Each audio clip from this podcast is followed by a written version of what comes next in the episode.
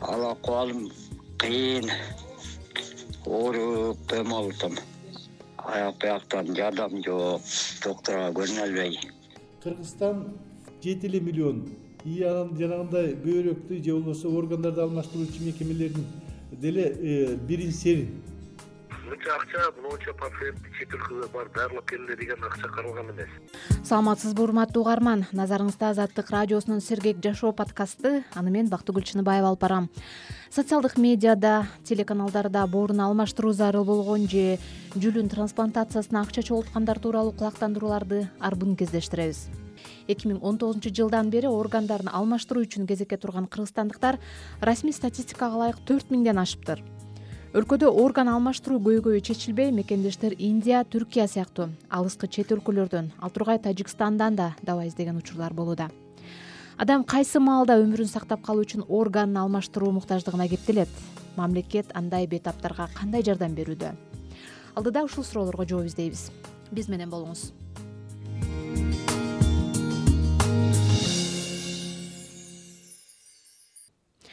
жалал абад облусунун сузак районундагы октябрьский айылынын кырк төрт жаштагы тургуну сүйүнбай алиев ооруп жатканына бир нече ай болду. Анын боору шишип кеткендиктен төшөккө жатып калган. Эч жерде иштебеген үчүнчү топтогу майып сүйүнбайдын боорун алмаштыруу зарыл экенин облустук ооруканадагы дарыгерлер айтып кошумча текшерүү үчүн бишкекке жолдогон. Бирок бейтаптын бишкекке келгенге каражаты жок үйүндө кыйналууда. Ал акыбалым кыйын. Ооруп эме болуп аяк бияктан жардам жок доктурга көрүнө албай. Почти эки ай үчүнчү айга кетип да көрүндүм. Биягы ошукка чейин бардым албай коюшту жалалабад албай койду только бишкек деп айтышат боор он беш сантиметр шишип кеткен. Боор. Бишкекке келгенге каражатыңыз жок болуп атабы же кандай? Алмаштырыш керек бекен боорду каражат жок болуп атат жок бишкекке барганга. Төрт миң доллар деп атат. Бишкекке көрүнгөнгө эле ошончо деп атабы? Ооба бияктан эмелер татып аяка эме кылып жөнөтүштү да бирденчи. Бишкектин врачтарыначы жөнөтүштү эле ошо төрт миң доллар дептир беш балам бар өзүм ушу элдин малын алып жайлоого чыгып эме кылчу элем тирилик кылчу элем иштебейм. Кырк төрт жаштамын өзүм дары пары ичип атасызбы? Дары парыгам каражатым жок да. А ооруганда кандай ооруп атат мындай? Баса албай калып атасызбы же э, эмне болуп атасыз? Баса албай калып баса албай калып да моу эме кылып сайышып ооруп эме болуп атат да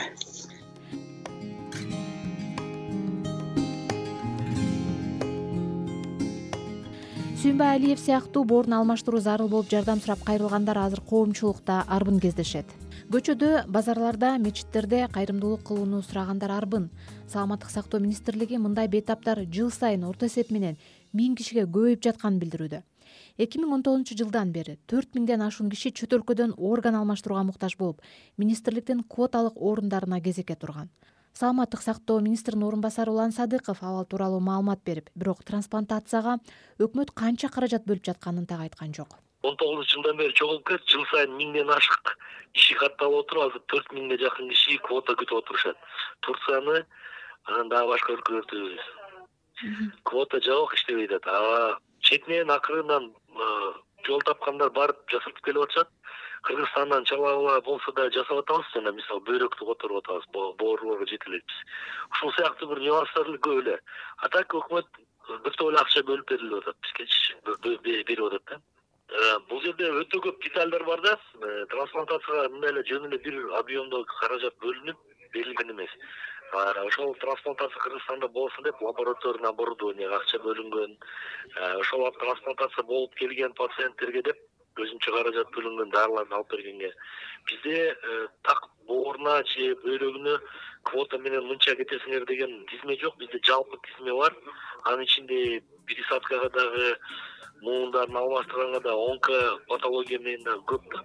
Анан э, ушул сыяктуу каражаттар бөлүнүп атат бирок целенаправленно мынча акча моунча пациентти чет өлкөгө барып дарылап келгиле деген акча каралган эмес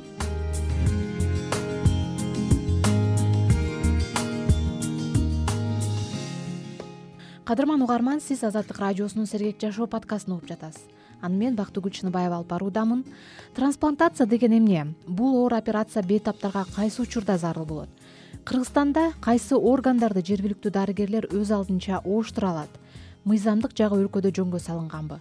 Ушул жана башка суроолорго эне жана баланы коргоо улуттук борборунун мурдагы директору ондогон жылдар бою өлкөдө трансплантация жаатында иш алып барган укмуштуу дарыгер камчыбек узакбаев жооп берди. Э, бул э, трансплантация орган дегендерчи э, бул жерде медицинанын бүт көйгөйлөрүнүн баардыгы чырмалышкан анткени бул жерден ошо ооруну ар бир нозологиясы боюнча дарылоонун ар кандай түрлөрү менен колдонулат и ошондон кийин э, ошол органдын же болбосо оорулуунун ошол органы бүт резервтеринин баарынын жокко чыккандан кийин ал уже өзүнүн функциясын толук аткара албай калды дегенден кийин гана анан ошо врачтардын коллегиясы э, э, ошол органды алмаштырып ошол адамдын өмүрүн узартканга шарт болот деген гана чечимди чыгарат да.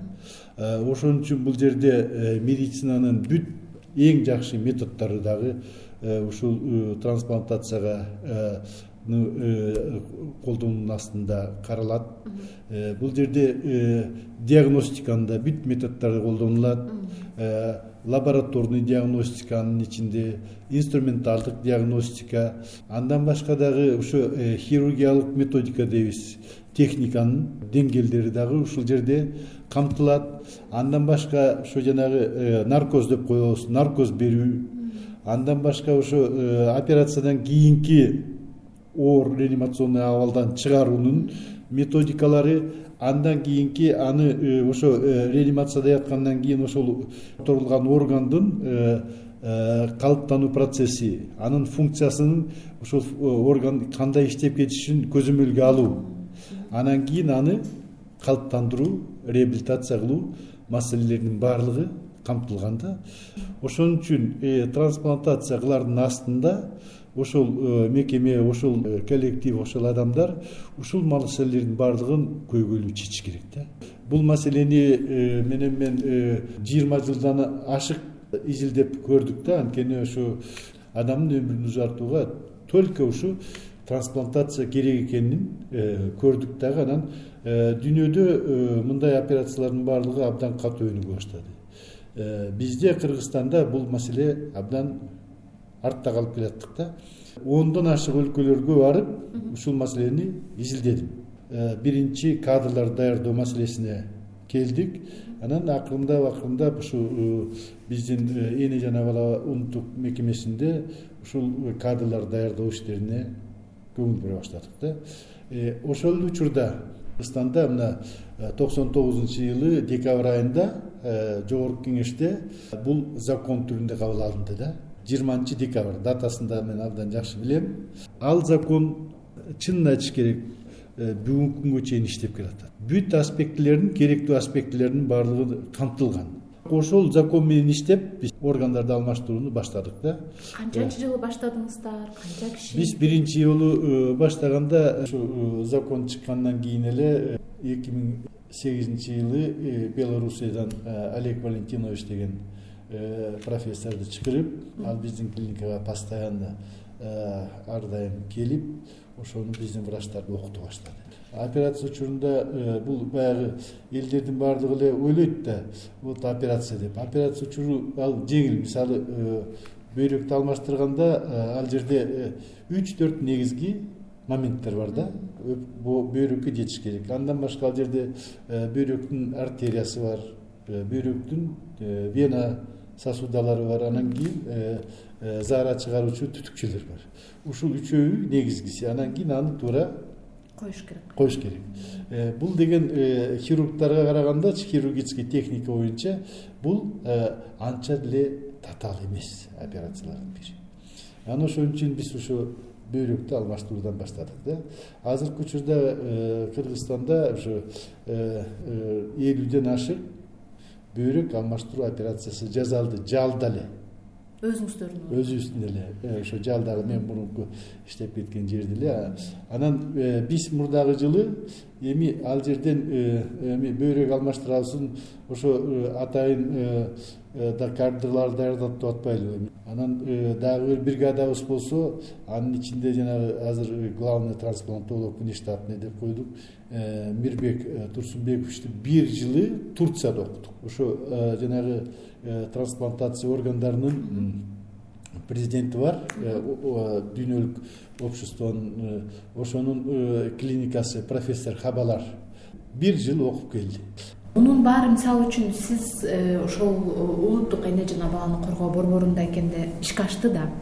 Анан бул бир эле бөйрөк органы да. Анан кыргызстанда боорун алмаштыруу жүлүнүн жүлүн жана бар да. Алардын көйгөйү кандай болуп атат? Калган каткан көйгөйлөрдүн э, бөйрөк алмаштыруу операциясын жөнгө салгандан кийин экинчи мына балдардын арасындагы эң экинчи көйгөйлүү маселелердин бири мынабу костный мост деп коет. Э, бизде мынабу онкогематологический оорулар деп атпайлыбы ошонун эң эффективный эле э, методу айыгып кете турган жолу ушул костный мээни сөөктүн мээсин алмаштырыпса ошодо гана бул эң э, эффективный методдун бири. Ошого аттандык. Андан башка дагы могу балдардын арасында э, чоң кишилердин арасында дагы боордун оорулары абдан көп альвиакокустан кийин циррозтон кийин башка көптөгөн травмадан кийин гепаттиттин түрлөрүнөн кийин. Анан ошого даярдандык да э, бул жерде дагы биз даярданганда э, жөн эле э, ура деп кеткен жокпуз да. Ага даярдык көрүш керек. Эле жанагындай техникалык жардамдардан башка дагы операциядан кийин жанагындай шишип же болбосо боордун бир жетишсиздиги функциясынын жетишсиздиги пайда боло турган болсо ошол убакта искусственный печень деп коет аппарат бар да. Ошону алышыбыз керек эле да биринчи. Андан башка дагы э, жанагы э, техника жактан өзүбүздүн кесипкөйлөрдү даярдаш керек эле да. Анан ага жетишпей калдык да. Мен жетишпей калдым. Мурдагы жылы биз ошо даярданып атканда мени башка жака которуп ал жерден э, кетип калдым. Ошону менен ал иш токтоп калды. Эмне кылыш керек? Бийлик тарабынан кандайдыр бир кадам болушу керекпи? Же бизде адистерди массалык түрдө даярдаш керекпи? Жети миллиондун ичинде э, жанагы э, мен айткан эле үч эле лейкоз менен балдардын арасындагы взрослыйлардын арасындагы цирроз менен ооругандарды бөйрөктөрү такыр жабыркап калгандардын саны жетиштүү. Аларга жардам берүүнүн жолу ушул да э, сиз э, берген суроо боюнча биринчи кадрларды өстүрүү боюнча э, алардын техникалык жабдыктарын чыңалуу боюнча анан кийин бүгүнкү күндө эң эле көйгөйлүү маселе бул иммуно генетический лабораториянын жоктугу биз баягы э, типирование деп коет да. Э, дал келишин тактоочу э, генетический иммуно генетический лаборатория керек. Ошону жасаш үчүн биз бүгүнкү күндө казакстанга москвага белоруссияга турцияга ар кайсы жака кайрылабыз да. Ал дагы абдан ушул кызматтын өнүгүшүнө жолтоо болуп атат. Биринчи мына эки комплексный подход деп атпайлыбы материально технический базасын жакшыртуу. Бүгүнкү күндө ушул материально технический база менен да жасасак болот. Бирок жанагындай э, керектүү э, оборудование керек жана мен башында айтып кеткен оборудование керек. Андан башка лаборатория керек. Андан башка калыптанычу этабында керектүү дарылар керек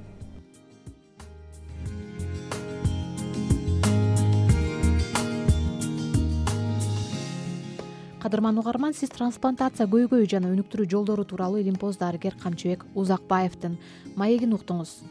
Сергек жашоо подкастын ушуну менен жыйынтыктайбыз. Уктурууну мен бактыгүл чыныбаева даярдап алып бардым. Оорубаңыз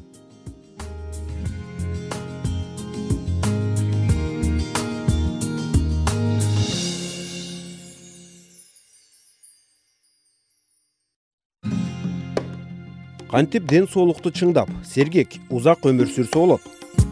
Азаттыктын сергек жашоо подкастында азыркы медицинанын жетишкендиги жана адамзатты апааттан сактап калган илимий ачылыштар дарылоонун жаңы ыкмалары жөнүндө айтып беребиз.